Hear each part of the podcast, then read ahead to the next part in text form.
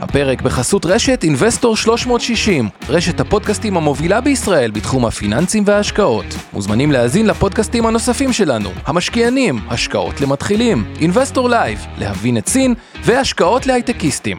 הופק ונערך על ידי שמע, פודקאסטים ויצירות סאונד. השקעות למתחילים אבנר סטפאק ועומר רבינוביץ' עוזרים לכם בצעדים הראשונים בעולם ההשקעות. טוב, אנחנו מדברים היום על אה, נושאים מעניינים. מאוד מעניינים, אנחנו מדברים על ביטקוין, קריפטו, כל עולם תוכן הזה, הטכנולוגיה שמאחוריו.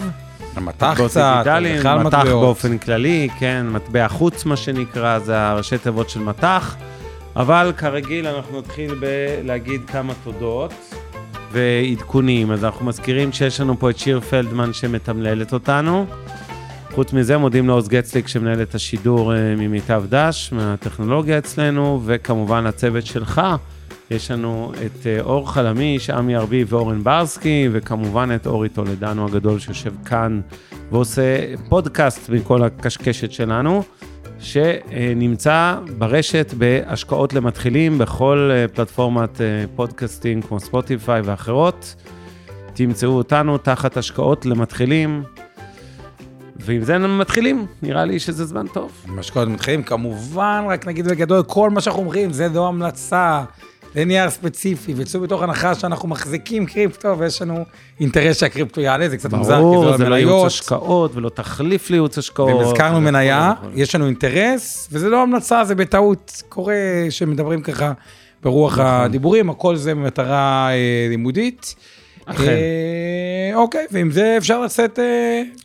אפשר, אפשר לצאת. אתה יודע כמה שווה היום ביטקוין? בטח שאני יודע, השקעתי בביטקוין. כמה הוא היום? 50 ומעלה.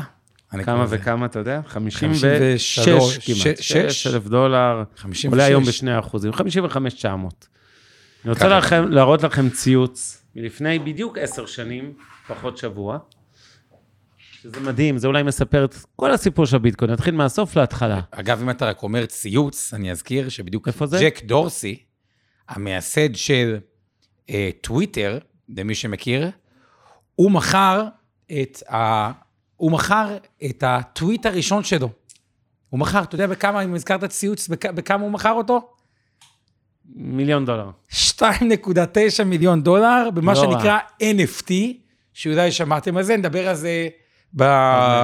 במתקדמים, אבל שזה עוד נושא, במיוחד זכויות יוצרים, אני מימים, נחזור חייב להראות אליך. לכם פה, המצגת הזאת, זו חברה שאני קשור אליה, שהיא גם שכנה שלנו פה בבניין בצ'מפיון, נקראת איטורו, חלקכם מכירים אותה. אבל תשימו לב, יש פה ציטוט, יוני אסיה, שהוא המנכ"ל של והיזם של איטורו, בחור מדהים, הוא גם דירקטור במיטב דש אגב.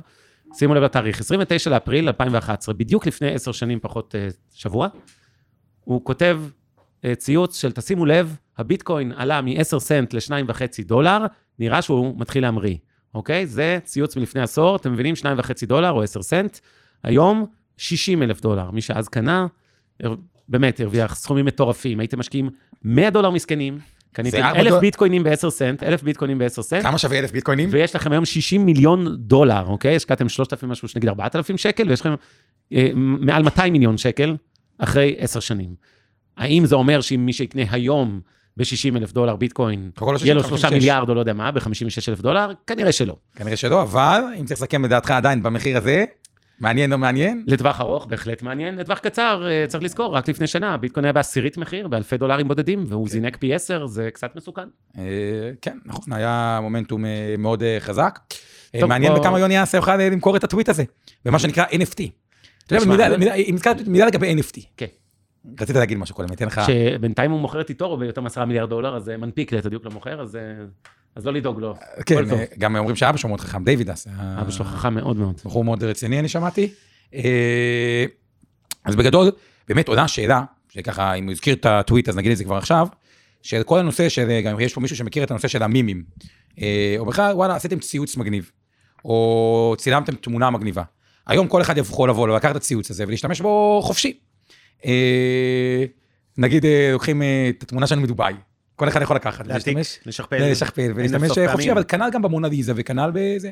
ולכן יש לנו NFT. מה NFT בא ואומר? הוא בא ואומר, נגיד, אוקיי, המונליזה, היא, או, או סתם סרטון של הסל של מייקל ג'ורדן ב-NBA, סל האליפות. האם הוא רכוש ציבורי שכולם יכולים להשתמש בו, או שהוא שייך למישהו, נגיד ה-NBA, או, או למישהו, ועכשיו, האם שימוש תמונה שצילמת אפשר חופשי, או יש איזה זכויות יוצרים, וצריך לשלם על זה כסף. אין סביב זה את כל הנושא של המשפטי עדיין לא מפותח וזה, אבל זה ממש אסט קלאס חדש, של זכויות יוצרים על דברים שפעם לא היה להם. אני אגיד, מי שראה הייתה כתבה בדיוק לפני שבוע, שבועיים, אני לא זוכר בידיעות נדמה לי, על דנה רוזנטל, אני מכיר אותה מהעבר, בחורה שעוסקת בזיהוי של אומנות, של קונה יצירות אה, עתיקות ומאוד מאוד נחשבות בכל מיני שווקים ברוסיה, ועושה NFT על יצירות אומנות נקרא לזה.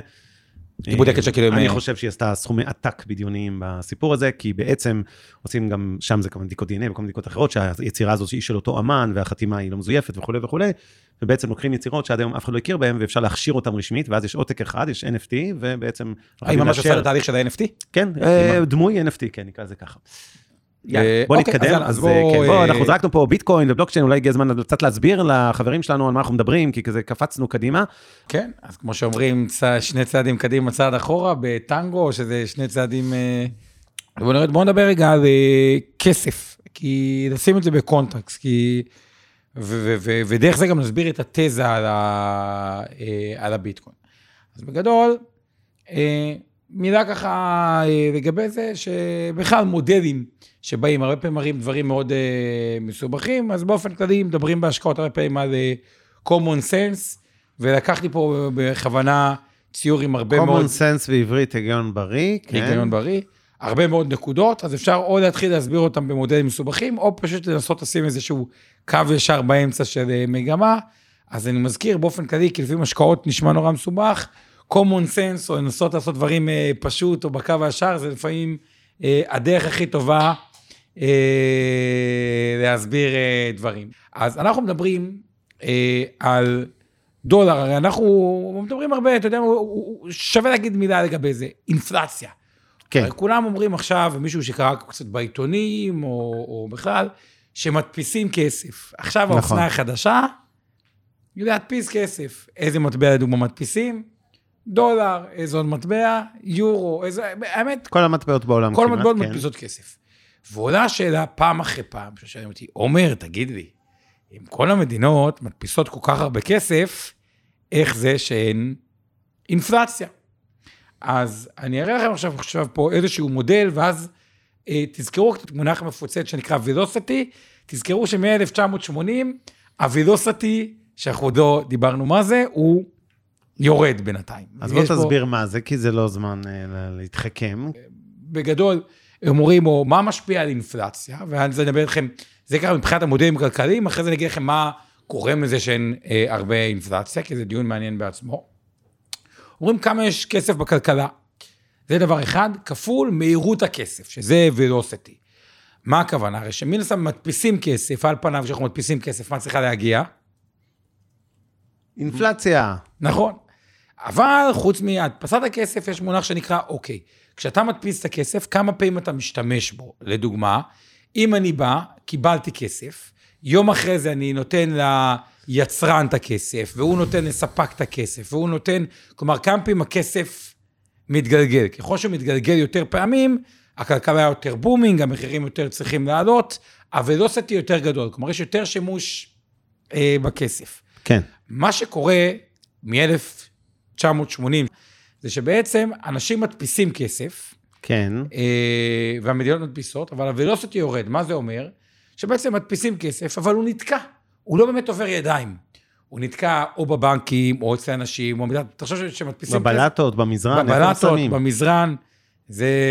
ביפן לא מקבלים ריבית, אז יש הרבה ב... אגב, באמת יש, בגלל שהיום הריבית, ודיברנו, אני מזכיר לכם, הריבית זה כמה אתם מקבלים, איזה אחוז אתם מקבלים כל שנה על הכסף שהפקדתם בבנק, מאחר והריבית שואפת לאפס בכל העולם, לא רק בישראל, אתם לא תקבלו היום בבנקים ריבית, אז באמת יש אנשים שמעדיפים להחזיק כסף בבית, זה כמובן טעות, אבל הם עושים את זה. אז זה דוגמה לאיך הוולוסיטי הזה, בעצם יצא הכסף, לא מסתובב לנו אה, בדיוק, בחוץ. הוא- הוא- וזה משפיע, כמו, כאילו, המחירים. בואו נמשיך אה, אה, הלאה. אז אינפלציה. הנה אינפלציה. כשאנחנו מדברים על אינפלציה, ואז אני רגע רוצה שנעשה ככה זום אאוט וככה דיון על אינפלציה, בכלל גורמים בעד אינפלציה או נגד אינפלציה, כי אינפלציה היא אחד הדברים שבונים את תזת הביטקוין. ובגדול אומרים כמה כסף יש בכלכלה, שככל שיש יותר ומדפיסים יותר, זה אומר שאמורה לבוא אינפלציה, כפול מהירות הכסף. אז מה שקרה, מהירות הכסף אה, ירדה, ובקורונה שהדפיסו כסף, תסביר בכלל, רגע מה זה מהירות הכסף. זה אותו ולוסיטי, כמה פעמים הכסף עובר. בשנה מחליף ידיים נגיד. כן, הכי פשוט זה בעולם, תחשוב על... אה, שטר של 100 שקל, ספציפי, מספר סידורי 1, 2, 3, 4, 5, 6, 7. כמה פעמים הוא עבר ממני אליך לסוחר, לבנק, לקיוסק, ל-whatever. נכון, אוקיי. ממש אה, אה, ככה. עכשיו, אני רק רוצה לציין שביחס לכלכלה, כלומר, אם הכלכלה גדלה בשלושה אחוזים, אה, אז זה הגיוני גם שהכסף יגדל בשלושה אחוזים. כלומר, להדפיס כסף ברמה מסוימת שהכלכלה גדלה, זה בסדר, זה לא אמור להגדיל את האינפלציה. הבעיה היא שמדפיסים הרבה יותר כסף, ומהירות הצמיחה של הכלכלה. בואו נעשה רגע זום אאוט ונעשה רגע שיחה חופשית על עוד כל מיני דברים שמשפיעים על... אה, יאללה. אה, אבל אנחנו צריכים להזכיר את המושג רגע, להסביר אותו, כי אמנם הסברנו אותו בעבר, אבל עבר לא מעט זמן. מה זה בכלל אינפלציה? אינפלציה, אני מזכיר לכם, זה בעצם איזשהו מדד שבודק את המחירים במשק, את יוקר המחיה, מה שנקרא. אה, איך מודדים את זה למשל בישראל? עשו סל, סקר של 5,000 משפחות בישראל, ובדקו על מה הם מוציאים כל, כל חודש את המשכורות שלהם, על מה מוציאים כסף. כן, כמה על אה, דיור, כמה על הלבשה והנהלה, כמה על פירות וירקות, מזל שלא היית בסקר באופנה, כי אז היינו, האינפלציה פה במדינת ישראל הייתה כן. משתוללת. ואז בעצם הרכיבו איזשהו סל של המשפחה הישראלית במרכאות הממוצעת, סל ההוצאות. ועכשיו אמרו, אוקיי, בסל הזה יש איקס מאות מוצרים, כל חודש נבדוק מה קרה למחירים במוצרים. שולחים אנשים לסופרים, אומרים, אוקיי, קונים אה, שם קופסת נוטלה, כמה היא עלתה חודש שעבר, כמה היא עולה עכשיו. מחיר העגבנייה אצל הירקן היה איקס שקלים לקילו, הוא עכשיו ירד, עלה וכולי. ובעצם כל חודש בודקים את ה, אה, מה קרה למחירים, ואתם אה, תשמעו ברדיו בכל 15 בחודש, באמצע חודש, יש פרסום שהלשכה המרכזית לסטטיסטיקה, זה גוף ממשלתי שהוא בעצם זה שבודק את האינפלציה, והוא אומר לכם, אה, מדד המחירים לצרכן לחודש פברואר, או עכשיו היה את מרץ, עלה ב-6 עשיריות האחוז, בלטו מחירי ההלבשה והנהלה שהתייקרו ב-10 אחוזים, מנגד מחיר הנדל"ן ירד ב-2 אחוזים וכולי. וזה בעצם האינפלציה, זאת אומרת, בכמה המחירים מתייקרים מדי חודש, מדי שנה. וזה בעצם איזשהו מדד ליוקר המחיה, כי תחשבו על זה שנגיד יש לכם משכורת של 10,000 שקלים אה, לשני בני זוג, אפילו ביחד, נטו. אה, אם 10,000, אם המחירים במשק ללא שינוי, כלומר אין אינפלציה, אז 10,000 שקלים האלה יכולים לקנות כן. איקס מוצרים. אם המחירים מתייקרים, הערך של אותם 10,000 שקלים נשחק, זה עדיין אתם מקבלים משכורת של 10,000, אבל היא בעצם יכולה לקנות פחות מוצרים. זה המשמעות השלילית של אינפלציה ועליית יוקר המחיה. יפה, עכשיו, עכשיו מה בעצם, אה, כשאומרים מדפיסים כסף, אומרים, איך זה שאין אינפלציה? אז בואו רגע נדבר על הדברים המרכזיים שגורמים לזה שאין אינפלציה, בניגוד לאינטואיציה שמדפיסים כסף. אז אחד זה באמת תהליך, שמה שנקרא דיפלציה טכנולוגית. דיפלציה טכנולוגית זה שהטכנולוגיה, הנה היום וואטסאפ, הוא כבר לא עולה שקל כמו הודעה של, אה, של פעם, אה, ועוד כל מיני דברים. טכנולוגיה מייעלת, משפרת, ייצור יותר טוב, פעם היו צריכים יותר ידיים עובדות, היום יותר, יש אוטומיזציה, יש רובוטיקה. אה, לא יודע אם מישהו ראה איך מייצרים היום רכב, זה שונה מאיך שייצרו אה, פעם. אז כל הנושא הזה של אה, אה, מייל, תחשבו על זה איזה דבר יעיל, זה לא משלמים כסף. נכון. ומעבירים תוכנות שנכנסות לארגונים ומעלות אותם, זה דבר אחד. שתיים, תנועות הון. פעם, כשכבר היה צריך לייצר, ופחות אנשים גם צריכים לייצר, אז איפה הם ייצרו? אתה צרכן אמריקאי, אתה צורך, היצרנות גם הייתה צריכה להיות בארצות הברית. אה, אבל מה שקרה זה, העבירו הרבה מהייצור בעולם, מדינות עם כוח אדם אה, יותר זול. זה נקרא אינפלציה של, אה, דיפלציה של אה, הון, אה, של אה, כוח עבודה יותר זול. כלומר, בסוף אין מה לעשות. וייטנאמי נכון. יותר זול מאמריקאי. לא רוצה להגיד יותר חרוץ מאמריקאי, אבל השעת העבודה שלו יותר אה, אה, אה, זולה. אז זה גורמים שקצת אה, אה, דיכאו. אוקיי, אז, אז זה שני דברים שגורמים לדיפלציה. עכשיו, מה הנקודה? ראו שאין אינפלציה, אז המדינות, הם באו והתחילו אה, קצת אומרים, רגע, למה שנטפל בכל בעיות העולם? מה יותר קל, להדפיס כסף, אה, או להתחיל לדבר, לטפל בבעיות מבניות של אה, המשק, אה, בעיות מבניות זה אולי שם קצת מפוצץ. לדוגמה, כולם מבינים שזה שעשו פנסיה תקציבית לאנשים בצבא שפרשו בגיל 46 או 45 או 50, לכל החיים זה לא הגיוני. הרי לא הגיוני שבן אדם יעבוד 20 שנה ויקבל פנסיה נכון. 50 שנה. אבל זה קל לשנות את זה או קשה לשנות את זה? קשה לשנות את זה, כי ברור שכל אלה שהם רגע לפני גיל הפנסיה, לא רוצים שיקפיצו להם את הגיל עכשיו לגיל 80. לגיל 60, ומי שמקבל פנסיה, זה קל להגיד לו, טעינו, נקצץ לך לפנסיה פחות. בחצי. קצת אה, קשה. קצת קשה. אז מה יותר קל, להדפיס כסף או להתמודד איתם? להדפיס כסף, יאללה, בוא נדפיס לחלק כסף. לכולם. זה החגיגה בדיוק שקורית. עכשיו, הטעות הזאת לא עשו רק במדינת ישראל עם הפנסיה התקציבית, עשו אותה גם ביוון, ועשו אותה גם בארצות הברית, ומה לעשות, יש בשורות טובות ובשורות לא טובות. הבשורות הטובות הן שאנחנו חיים. הבשורות הלא טובות זה שמערכת הפנסיה לא נבנתה על זה שנחיה כל כך הרבה. חלקכם עדיין עברתם את גיל 70 ואשכרה אתם בחיים, שזה כאילו מאוד מפתיע, אבל זה כאילו, העולם לא בנה על זה. ויש כאלה אפילו בגיל 75, ואפילו כאלה 80, וכאלה שהגדילו ראש, אורי ואבנר, והגדילו ראש, והחליטו לחיות גם בגיל 90 ו-95, והמערכת לא בנויה, ואז צריך להתחיל להשתמש בתזה הזאת שהם מדפיסים כסף בצורה מופרזת, וזה בא והוביל לעלייתו של הקונספט של רגע, רגע, רגע, אם אפשר להדפיס משהו עד אינסוף, אז נכון, יש דיפלציה טכנולוגית ודיפלציה של תנועות הון ודברים כאלה, אבל פוליטיקאים חושבים אה, קצר. אה, ובואו נעשה את הדבר הבא, אה, נמציא אותו אה, נקיושיס, אה, תמיד אני אומר את השם שלו נכון, אז אה, זה לא נורא חשוב. לא כן. נורא נורא חשוב, אמר, נמציא את הביטקוין שהוא מטבע מוגבל. והתזה הזאתי של ה... מוגבל, זה אומר שאי אפשר להדפיס ממנו עד אינסוף, יש לו איזשהו קצב גידול, נדבר על זה, אבל זה לא שבאה איזה ממשלת הברית ומדפיסה מאינסוף טריליוני דולרים, או ממשלת ישראל ומדפיסה מיליוני או מיליארדי שקלים. בביטקוין אי אפשר לעשות את זה, הוא היצע מוגבל, יש כמות מוגבלת של ביטקוינים כל הזמן. נכון, ואז את, אה, אה, על רקע זה שמגיע משבר, וכולם אומרים, אוקיי, הכסף שלי לא עושה כלום, כאילו הפרפקט סטורם לסיפור של הביטקוין, הכסף שלי לא עושה כלום בבנק, אג"ח מדינה, מדברים על זה שזה אג"ח מדינה זה גר- אגרות חוב של ממשלות, המדינה, כן, של שזה מדינות. הונאה. מה זה הונאת פונזי, אוקיי? שזה קצת כאילו מילה מפוצצת, אבל זה אומרים את הדבר הבא.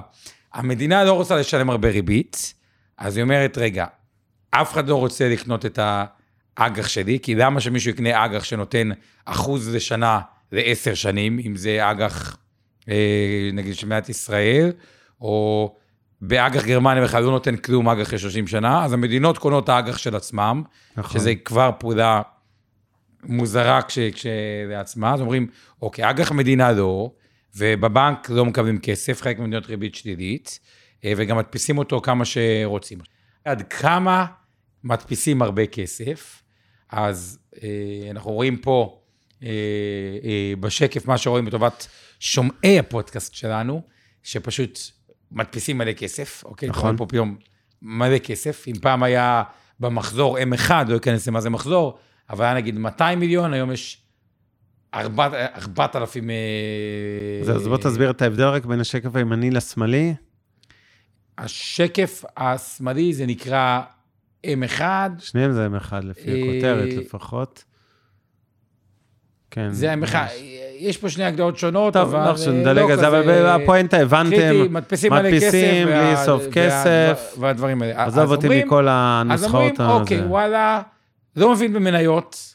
אנחנו נדבר גם על מניות בהקשר הזה, נגיד חברה כמו קוינבייס, שהנפיקו אותה, שזה וואי, וואי, בורסה, וואי, כן. ודברים כאלה, אבל... בואורסה של קריפטו שמטבעות אה, דיגיטליות. הנה, כן. אז בואו נראה את השקף הזה, אה, אבל מדפיסים עלי כסף, למה שאני לא אשמור אותו במטבע שהוא מוגבל? כל דבר שמוגבל הוא נדיר יותר. הוא נדיר כן. יותר, אי אפשר להדפיס אותו כמה שיותר, מהמם.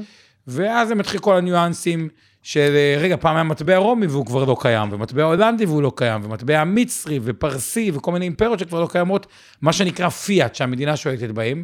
אז בואו נשמור את זה באותו ביטקוין, שהסיפור הזה הוא הפרפקט סטורם, תפס מאוד מאוד חזק. אה, אה, אני רוצה באמת להיכנס יותר לעומק של הביטקוין ולהסביר. אז אה, זאת מצגת הביטקוין אה, של חברת איטורו. אה, אני אדלג קצת על ההתחלה של היסטוריית הכסף, למרות דווקא זה שיש נחמד, קצת... בוא, בוא, בוא תעשה את אוקיי. זה ממש בקצרה, אני אוהב את זה דווקא. אז בסדר, אז פעם אה, השוק עבד בברטרים, כן? האדם הקדמון במרכאות עשה הלוואות ו- וברטר, היית מביא כבשה, מקבל אה, דינוזאור, אני יודע, לא היה אז דינוזאור, אבל נגיד. אחרי זה עברו לאספנות, כל מיני דברים שהיית יכול לאסוף, כמו זהב, כמו, אה, לא, לא זהב, סליחה, כמו אה, פרות, אה, אבנים וכולי. מ-5,000 שנה נכנס הזהב, גם הזהב הוא מוגבל, כמו שאתם יודעים, צריך לכרות אותו מהאדמה, לכרות, לכרות, לכרות, די בדומה לקריאה של ביטקוינים, נגיע לזה עוד רגע. ובעצם אפשר להגיד שהיתרון של כסף, או המאפיינים של כסף רגיל, מה שעומר כינה פיאט, אוקיי? זה המטבעות נגיד של מדינות וכולי, לדוגמה, יורו, אה, דולר, אה, כן, אם נדייק, סליחה, כסף פיזי, נגיד זהב, אני אדייק, זהב, אז קודם כל יש לו נדירות, הוא, לא, הוא בלתי מוגבל, זה קצת מזכיר את אה, ביטקוין, אוקיי? שנקרא scarcity. כן, הוא אה, לא ניתן לחלוקה, נניח. אה, סליחה, אה, זה לא המילה נכונה. עוד רגע, portable הוא נייד כמובן, אפשר לקחת מזוודה עם אונקיות זהב. אה, הוא מחזיק מעמד לאורך זמן, אוקיי? זהב יכול אה, להיות מאות שנים, אה, אלפי שנים במרתפים. ניתן לזהות אותו וניתן לחוש אותו פיזית, בשונה מביטקוין, שהוא כמובן מטבע דיגיטלי, וירטואלי. ולמעשה, הביטקוין, שזה. אחד המטבעות הדיגיטליים המרכזיים בעולם היום, אגב, יש מעל אלף כבר, אלפי מטבעות בעולם, מבוסס על תשתית שנקראת בלוקצ'יין. בלוקצ'יין זה בעצם הטכנולוגיה, וביטקוין זה המטבע עצמו, אוקיי? שבעצם הטכנולוגיה הקריפטוגרפית אה, מאפשרת לנו, א', לקחת משהו שלא ניתן להעתיק עוד לשכפל אותו, בדיוק כמו שדיברנו קודם, אוקיי? ולהבדיל מתמונה או כל מיני דברים בציוצים וכולי. אה, אבל רגע, אמרת פה מילה מפוצצת בלוקצ'יין, ואני רוצה רגע להסביר במילים פשוטות. כן, אה, מה זה, מה, זה בעצם בלוקצ'יין? תחשבו, אה, אני אבנר. אה, ואורי פה בחדר. ובואו נגיד שלשלושתנו יש מחשבים, כי באמת לשלושתנו יש מחשבים. ועל שניהם המצגת של אה, עכשיו, אה, שאנחנו רואים פה מהמם. נמצאת. ואבנר מחליט להתחכם, אה, ולהגדיל ראש ולשנות משהו. אה, ולהעלות אותו, ולהגיד במקום המנכ"ל הוא יוני אסיה, המנכ"ל הוא עומר רבינוביץ'. אורן כן. ברסקי, אוקיי? אה, כן. זה- זה. ומה לעשות, המנכ"ל הוא לא אורן ברסקי, והוא מחליט להעלות את זה אה, אה, לאינטרנט. אז ישר המחשבים של, אה, שלי ושל אורי, באים ואומרים, רגע, רגע, רגע, זה שאבנר החליט אה, להגדיל ראש, זה נחמד מאוד, אבל הרוב הם המקורי, אומרים לו, רגע, זה, זה לא נכון, וממש מתקנות אותו, או אומרות, הבן אדם הזה, אה, כלומר, מתקנות. ובעצם צריכים שיהיה הסכמה של רוב המחשבים. כלומר, יוני אסיה הופיע אצל רוב האנשים, ולכן כנראה שיוני אסיה... נכון. אה, למעשה יש תיעוד של העסקאות בעצם, אה, וזה הטכנולוגיה של הבלוקצ'יין, שמצד אחד אין פה שום דבר פיזי, אוקיי?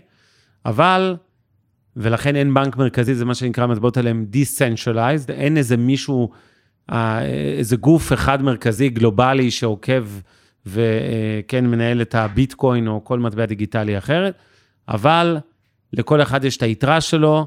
אם לי יש עשרה ביטקוינים ואני עכשיו מכרתי שניים לעומר, אני יורד לשמונה והוא לפלוס שתיים, וכל המחשבים בעולם יודעים את זה. כל מי שברשת של הבלוקצ'יין יודע בדיוק את היתרה שיש לכל אחד, ולמעשה, אה, זה בעצם הבסיס, הטכנולוגיה של הבלוקצ'יין היא הבסיס לכל מה שאמרנו, כל הנושא הזה של Decentralized Agreement. אין איזה גורם שמנהל את העסק הזה בבלוקצ'יין. אז, אז עוד מילה מפוצצת של ה-Decentralize, אז בואו בוא, בוא נסביר את זה רגע, נ, נבין את ה-Decentralize, למה זה כל כך מהפכני. מה, מה אחת הבעיות הכי מעצבנות אה, אה, שקיימות?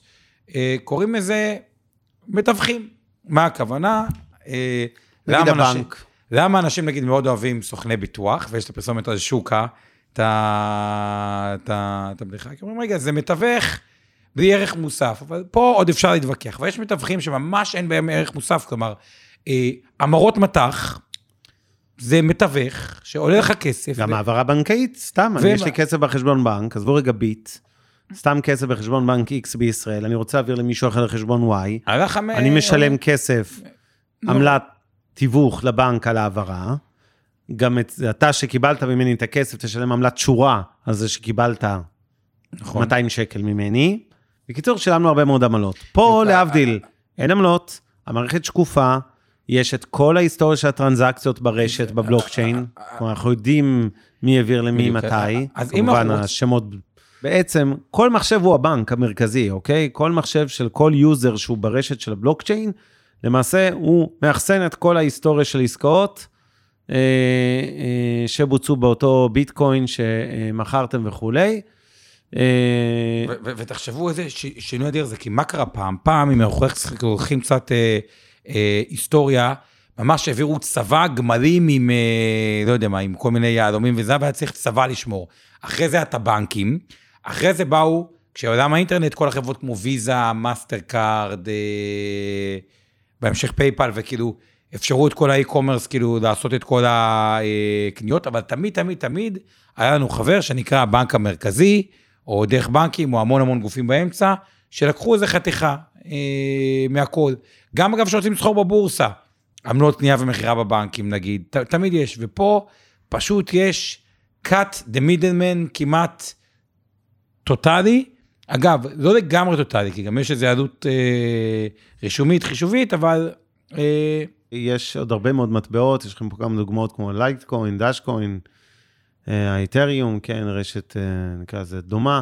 אה, יש הרבה מאוד מטבעות, להערכתי, אני כבר עושה ספוילר לעתיד, אני חושב, לא יודע, שהרבה מאוד מהמטבעות, שאלו אותנו גם על הדודג'קוין וכולי, הרבה מאוד מהמטבעות האלה לא באמת יהיו קיימים בטווח ארוך. הביטקוין בעיניי הוא סוג של הדולר של המטבעות הדיגיטליים, ואני מעריך שהוא ישרוד אה, בוודאות גבוהה.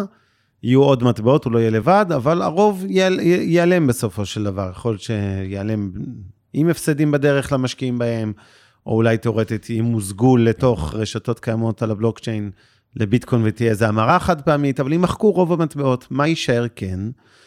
יש עוד מושג שאני רוצה להתייחס אליו, שזה הטוקן, הטוקניזציה כתהליך, אוקיי?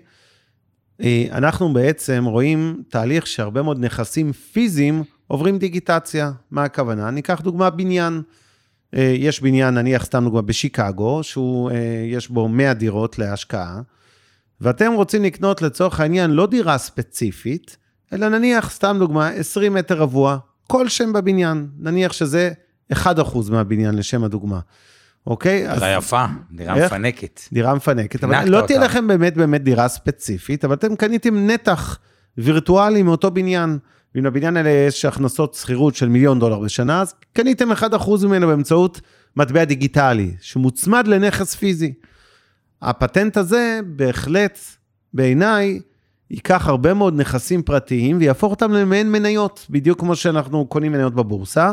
תחשבו שמחר הייתם קונים מניה בבניין, באותו בניין בשיקגו, ומחרתיים מניה באיזה מלון וכל דבר אחר, שהמלון או רשת המלונות לא בהכרח צריכה להיסחר, ובטח לא הבניין הספציפי הזה בשיקגו, אבל אתם מאמינים שבניין מסוים בבת ים הולך לעבור תמ"א והוא נורא אטרקטיבי להשקעה, יכול להיות שתוכלו לקנות 7% מהבניין, בלי לעבור בטאבו. עכשיו, הסמארט קונטקט, בטח בהקשר של נדל"ן, בדיוק מה שאבנר אה, אמר, ובכלל זה, זה באמת מהפכה, כי תחשבו על זה היום, אם אני שואל אתכם שאלה, אתם יודעים, בואו נראה אינטואיציה, מי יותר גדול ממי? זה.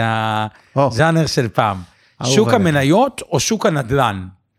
אה, אז בואו נראה ככה מה אתם... אנו בצ'אטים אה, איתי, מה- מה- מה השווי? יותר גדול? של כל שוק הנדל"ן? המניות בעולם, או שוק שוק ה- הנדל"ן. ה- ה- המניות? אז אה, בואו נראה מה אומרים. נדל"ן, כותבים נדל"ן. שוק הנדל"ן, נכון, אז תחשבו, אבל היום אפשר לקנות, כמו שפעם אפשר לקנות רק חברה שלמה, ולא מניה של חלקיק, היום אפשר לקנות אה, דירה שלמה. אה, אז אה, זה ככה אה, מהבחינה הזאת, וכל נושא של ה smart contracts, אה, הוא גם, תחשבו פעם, בשביל לקנות דירה, צריך כל כך הרבה דברים, צריך עורך דין, ולרשום, ובטאבו, ועוד אה, הרבה הרבה מאוד דברים בסגנון אה, הזה, וה smart contract הוא מאוד אה, אה, חכם. אוקיי, אז פה אגב אנחנו רואים שהדולר מתחזק מול היורו בשנים האחרונות, שזה מפתיע, כי כאילו, אומרים הדולר חלק, אבל אפשר לראות את המטבעות אה, שהם גם, אה, אה, השת, כאילו, השתנו, דווקא הדולר מתחזק, הייתה תקופה שהיורו מאוד מאוד התחזק. אה, ואגב, שתי המטבעות המובילים בעולם זה הדולר והיורו. היורו, מי שלא יודע, זה כמובן המטבע של גוש היורו.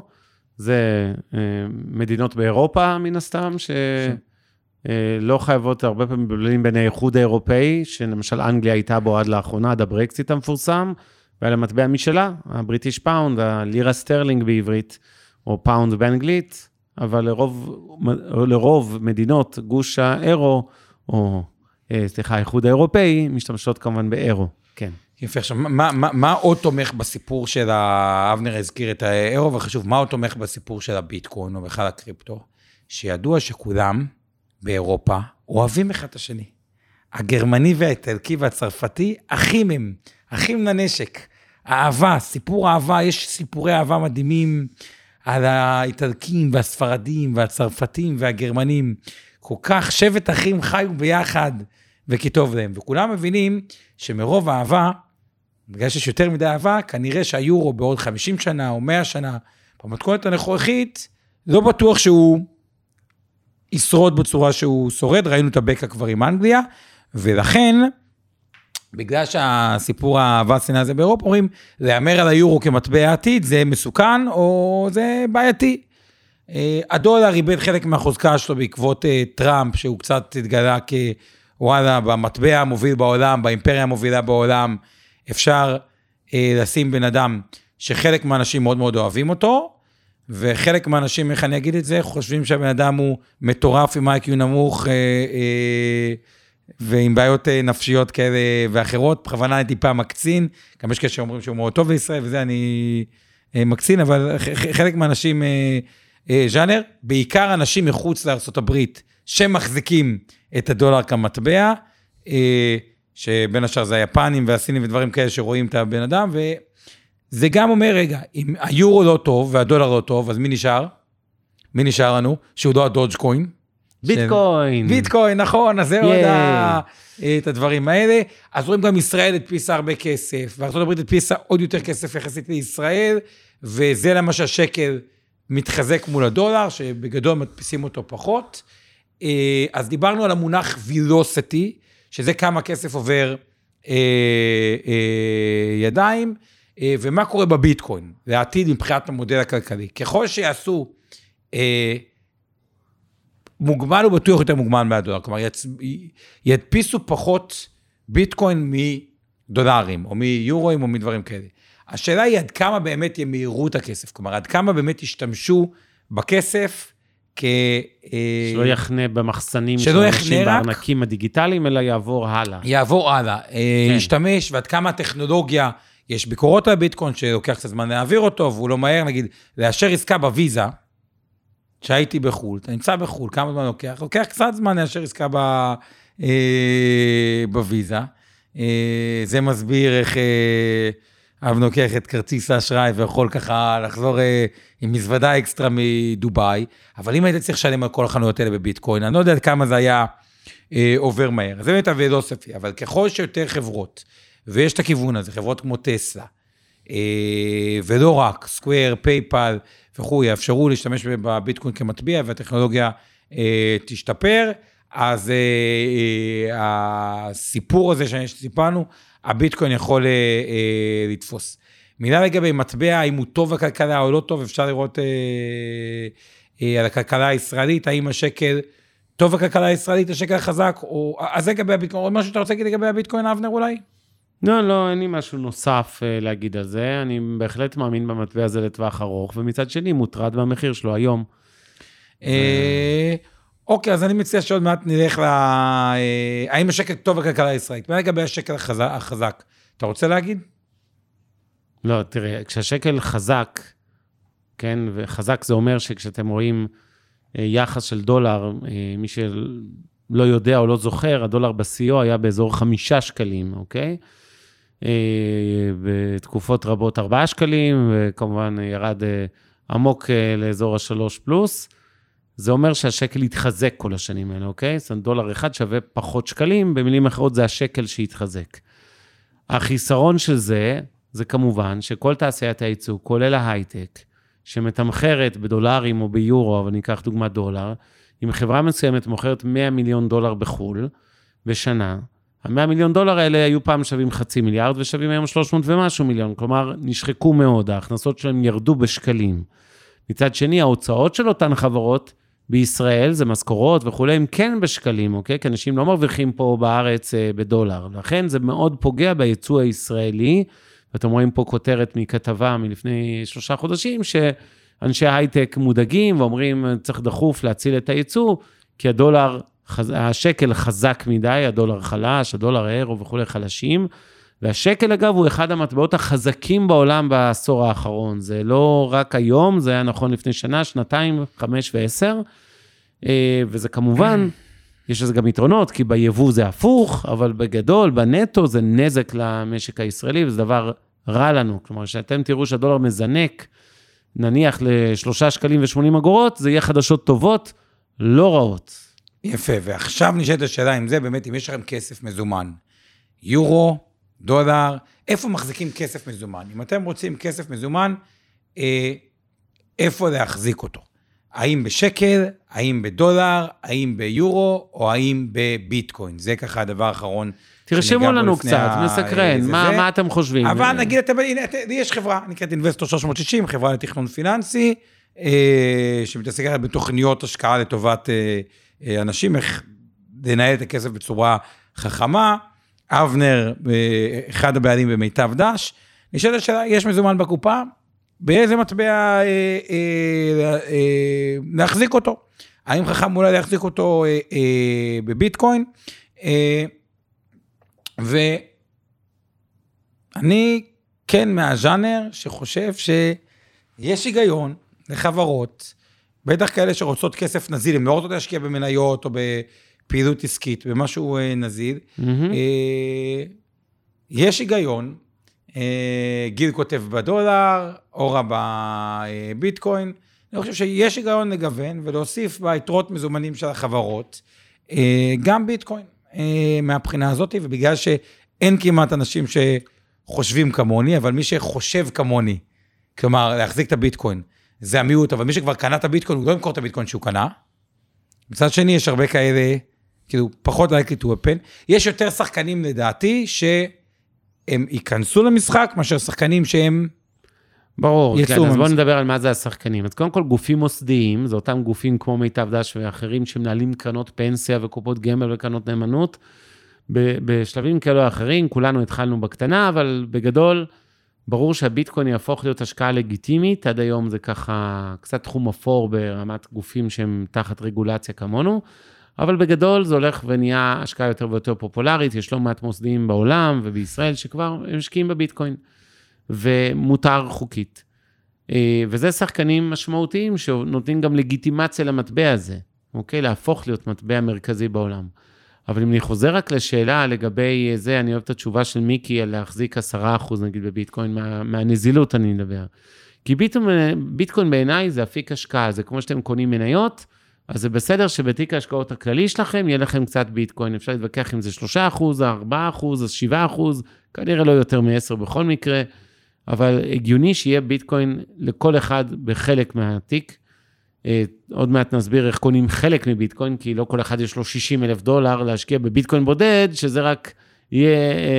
וזה עוד אמור להיות, כמו שאמרנו, רק חלק קטן מהתיק הכולל שלכם, וצריך מיליון דולר בשביל להחזיק 6% בביטקוין בודד. תכף נגיע לזה. אבל אני חושב שלהבדיל מהביטקוין, אם חוזרים למטבעות הפיאט, המטבעות המסורתיים, הדולר, האירו, הפרנק השוויצרי, השקל, הלירה סטרלינג, שם התשובה שלי להחזיק אך ורק שקלים. אתם חיים בישראל, מרוויחים בשקלים, מוציאים בשקלים, יש מעט מאוד הוצאות שאתם באמת באמת קונים במטבע חוץ, שזה בדרך כלל אנשים שקונים באלי אקספרס, או בכל מיני אי-ביי ומקומות כאלה, ומשלמים נגיד בדולרים, או ביורו, או במטבע כזה או אחר, אה, או במטבע שצמוד, גם אם זה בשקלים, לפעמים זה צמוד לדולר, גם אם טכנית אתם שילמתם כמובן בשקלים, אה, בגדול זה כסף כיס יחסית, אוקיי? ואני לא חושב שיש סיבה להמר על המטבעות. ופה אני רוצה לתת את הטיפ אולי הכי חשוב שאני יכול לתת, לגבי מטח, מה שנקרא מטבע חוץ. לשונה ממניות, אם אתם זוכרים, אנחנו אומרים לכם שכל שבוע את אותה מנטרה, מניות זה אפיק ההשקעה הכי רווחי לאורך זמן. אתם uh, תעשו בין 8 ל-11 אחוזים uh, תשואה לשנה, תלוי באיזה עשור. כמעט כל עשר שנים שנבדוק, המניות נתנו תשואה חיובית גבוהה. יותר גבוהה מכל אפיק השקעה אחר כמעט תמיד, מאגרות חוב, מנדל"ן, מדברים אחרים. אבל במטח להבדיל, אי אפשר לחזות את הכיוון של הדולר או האירו. אני יכול להגיד לכם שבריאה לעשר שנים, מניות כמעט בטוח יעלו. ולא רק שכמעט בטוח יעלו, סביר להניח שאם השקעתם 1,000 שקל וקניתם 100 מניות כלשהם, אקראית לגמרי, לפחות עשיתם כפול על הכסף, בסדר? שזה נניח בערך 6-7 אחוז לשנה, זה במינימום. יא, אורי, תרשום, היום אבל... התאריך הוא... 20, 20 לאפריל. 20 לחודש, אבנר סטפק אמר, שאם קנו 100 מניות שרירותית, כן, ששנינו לא רוצה להגיד איפה נהיה, בבית אבות, נבוא. כן, אה, עכשיו, ייבדק. להבדיל, אם תגידו לי, רגע, ואם אני אקנה דולר או אירו וניפגש בעוד עשר שנים, והשקעתי, קניתי אלף דולר בשקלים, האם זה יהיה 3,000 שקל או 4,000 או 5,000? התשובה, אין לי מושג. זה לא, אה, כמעט בלתי אפשרי לחזות תנודות במטח. עומר נגע היום בכמה מהדברים העיקריים שמסבירים למה הדולר יורד ועולה. אבל חשוב להגיד שמבערך שבעה גורמים המרכזיים, לדוגמה, תנועות הון, אוקיי? ייצוא ויבוא, השקעות. כשאתם קוראים על אקזיטים בהייטק, שסטארט-אפים שמנפיקים או נמכרים לאמזון או גוגל או כל מיני חברות כאלה, מה קורה? המשקיעים הישראלים והיזמים הישראלים, שלרוב מחזיקים את רוב המניות בחברות האלה, או חצי מהמניות האלה, הם הרי מקבלים דולרים, אבל הם חיים בישראל. חלק גדול מהכסף הזה הם ממירים, כלומר, הם מוכרים דולרים ומחזירים לשקלים. כי בסוף הם חיים פה, הם רוצים לקנות פה איזה דירה על הים, הם יצטרכו שקלים, לא דולרים. ואז מה קורה? הם מייצרים לחץ על הדולר, נכון? כי הם מוכרים דולרים, ואז הדולר יורד עוד ועוד ועוד, אולי ירד גם מתחת לשלושה שקלים, זו דוגמה אחת. יש דברים באותם שבעה גורמים שמשפיעים על אה, תנודות במטבעות, שעובדים הפוך בדיוק. עכשיו, כל הדברים האלה קורים באותו זמן. קשה נורא לחזות מה ישפיע יותר. כי יכול להיות תקופה שיש לנו אפילו עלייה באקזיטים בהייטק, ולמרות העלייה הזאת, דווקא הדולר יתחזק. היינו מצפים שהוא ירד, כי מיליארדי דולרים יימכרו פה והם יאמרו לשקלים, ובכל זאת הדולר עלה. יש המון המון סיבות, לא ניכנס לזה, זה דיון מאוד מאוד מקצועי, תסמכו עליי. פשוט אל תאמינו, כשאתם שואלים מאנשים, הדולר הולך לעלות חזק, חבר'ה, זה כמו להטיל מטבע. 50-50, יכול להיות שהם צודקים, כי גם אני, כל דבר שנאמר, יעלה או ירד, אז כנראה חצי חצי. במניות, 99 אחוז שזה יעלה, אם נדבר על טווח ארוך. אה, במטח... אה, Let's rock and roll. קעוץ, אבנר, אתה מתרגש כמוני? יאללה, מתרגש מאוד. אוקיי. מתרגשת, לא מתרגש, יאללה. מי יהיה המנצחת או המנצח, מה אתה, מאז מרב מיכאלי אתה... אין לעשות, היא לימדה אותי לדבר בלשון נקבה. כן. אח שגדול, ראש המבחנים לתלמידים שלו בשיעור אזרחות בלשון נקבה. כל הכבוד. כדי ש... טוב, יאללה, בנות, אנחנו בונים עליכם היום להפתיע, תמיד יש לנו איזה אחת או שתיים בחמישייה המובילה, אבל היום אנחנו רוצים אותך מקום ראשון. אני אומר... אז אה, יאללה, בוא נרוץ, ואז נחזור צ'יק צ'אק לכמה שאלות שלכם. אנחנו מתחילים. אנחנו מתחילים ככה, חבר'ה, מי שרוצה... הנושא זה מטח בביטקוין, אני מזכיר שגם הזמן קובע. יש לנו שבע שאלות היום? כרגיל. מצוין, כרגיל. אם מדפיסים כסף, מדינה מדפיסה כסף והכלכלה צומחת, מה קורה למחירים? א', אינפלציה, אדום, יצ... מחירים ללא שינוי, יציבים, כחול, דיפלציה, כלומר מחירים יורדים, אה, כתום, והנפט עולה, ירוק. מה נכון כשמדפיסים כסף והכלכלה צומחת, מה קורה למחירים?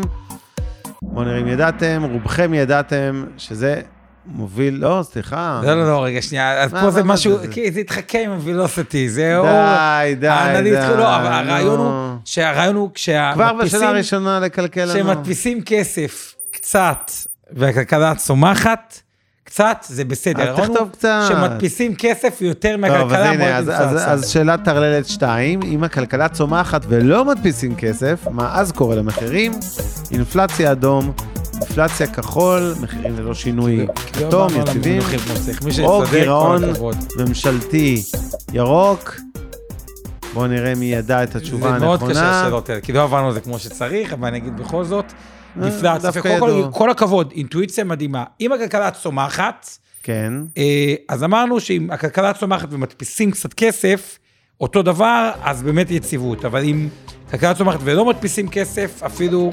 יאללה. אה. שאלה שלוש, בכמה מכרו את הטוויט הראשון של טוויטר? האם ב-29 מיליון דולר אדום, ב-2.9 מיליון דולר כחול, 290 אלף דולר כתום, או בחינם ירוק? בכמה הוא נמכר, הטוויט הראשון, דיברנו על זה היום, 2.9 מיליון דולר, וואלה, כמעט כולם הטוויט ידעו. הראשון, ג'ורסי. אה, אגב, מעניין מה, אז עכשיו כשאנחנו שיש לנו מקום ראשון וחמש, נשים, טלטולית מובילה כן. בענק. שאלה מספר 4, אם הכלכלה האמריקאית צומחת יותר מהר מהכלכלה האירופאית, איזה מטבע מתחזק יותר, כן? הדולר, שאלת האירו? אינטואיציה קצת. אז הדולר אדום, האירו כחול, פה זו השאלה שעושים 50-50 ואתה נשאר עם שתי אלה. האם השקל כתום או הפרנק השוויצרי ירוק? אוקיי, איזה מטבע יתחזק יותר, בהנחה שהכלכלה האמריקאית היא זאת שצומחת יותר. הדולר, יופי, הבנתם את הפרינציפ. ואנחנו אגב, מתקדמים. מאוד מרשים אני רוצה להגיד, כי לא, זה הנה. אינטואיציה טובה. אה, למה השקל מתחזק מול הדולר בשנה האחרונה? אדום, כי הכלכלה הישראלית היא החזקה בעולם. כחול, כי אנשים שומרים כסף בבית. כתום, כי ארצות הברית הדפיסה הרבה כסף והרבה יותר מישראל. או ירוק, כי השקל הוא חדש יחסית לדולר. יפה מאוד, בדיוק, אז, ידעתי. אה, כל הכבוד. הדפיסה יותר כסף, טלטולית עדיין בראש. טלטולית כן, בהובלה, כן, רחלי מקום. ארבע, אוריה, זה, השאלה אם זה אוריה, וזה יכול להיות בת, או אוריה, וזה בן, אבל. אתם בואו תתקנו נפתח על זה אותנו. דיון מאוד מרגש. למרות שיש גם אוריה לדעתי בנות, אבל בסדר. מהם האלמנטים החשובים ביותר לחוזק המטבע? האם אדום, גודל הכלכלה, מהירות הכסף וכמות הכסף? כחול, כמה נפט מייבאים? כתום, כמות האנשים מהאוכלוסייה והמהירות של הכסף? וירוק, כמה גז אותה מדינה מייצאת. מה משפיע, מה האלמנט הכי חשוב בחוזק המטבע? ככל שגודל. הכלכלה, מהירות הכסף אה, וכמות הכסף, אלה...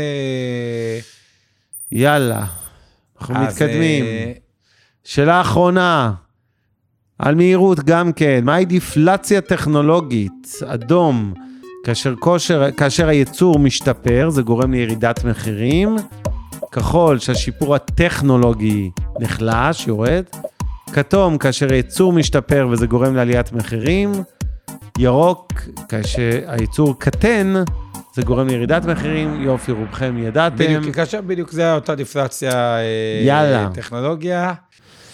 אה, אז זהו, אז אנחנו ניפרד מהקהל הצעיר או המתחיל שלנו ליתר דיוק. בינתיים תודה לכל מי שעזר לנו, עוז גצליק שמנהל את השידור, והוא גם מתחיל את הזום אה, למתקדמים שלנו, אורי טולדנו שיושב פה ועושה את הפודקאסט שלנו. אתם אה, יכולים לחפש השקעות למתחילים בכל פלטפורמת podcasting, כמו ספוטיפיי ואחרות, תמצאו אותנו, אפשר לשמוע אותנו, את השידורים האלה. אפשר גם לראות אותם, גם הזום למתחילים וגם למתקדמים, גם באתר של עומר ב Investor 360, וגם בעמוד הפייסבוק העסקי שלי, תחפשו אבנר סטפאק, יש לי שני עמודים, אז העמוד העסקי, שם יש את ההקלטות של הזום, גם לאחור, מי שלא ראה את השיעורים הראשונים שלנו. אה, אנחנו מודים לשיר פלדמן, ובטח עוד רגע גם לרבית אבני שמצטרפת אליה, שעושים לנו תמלול. מודים לאיתן גרבר, שעוד רגע יתחיל את השפת סימנים לטובת הקהל של חרשים ולקויי שמיעה. כמובן הצוות של אינבסטור 360, עמי ארביב, אור חלמיש ואורן ברסקי, שכרגיל עוזרים לנו עם החומרים כל שבוע. אה, תודה כרגיל שאתם איתנו. השקעות למתחילים. אבנר סטפאק ועומר רבינוביץ' עוזרים לכם בצעדים הראשונים בעולם ההשקעות. מעוניינים ללמוד יותר על עולם ההשקעות? האזינו לפודקאסטים נוספים שלנו. המשקיענים, אבנר סטפאק ועומר רבינוביץ' בתוכנית אקטואלית עם כל מה שחם בעולם ההשקעות. Investor 360 Live, אורן ברסקי ועומר רבינוביץ' מארחים את בכירי שוק ההון ומבינים את הטרנדים החשובים לשנים הקרובות.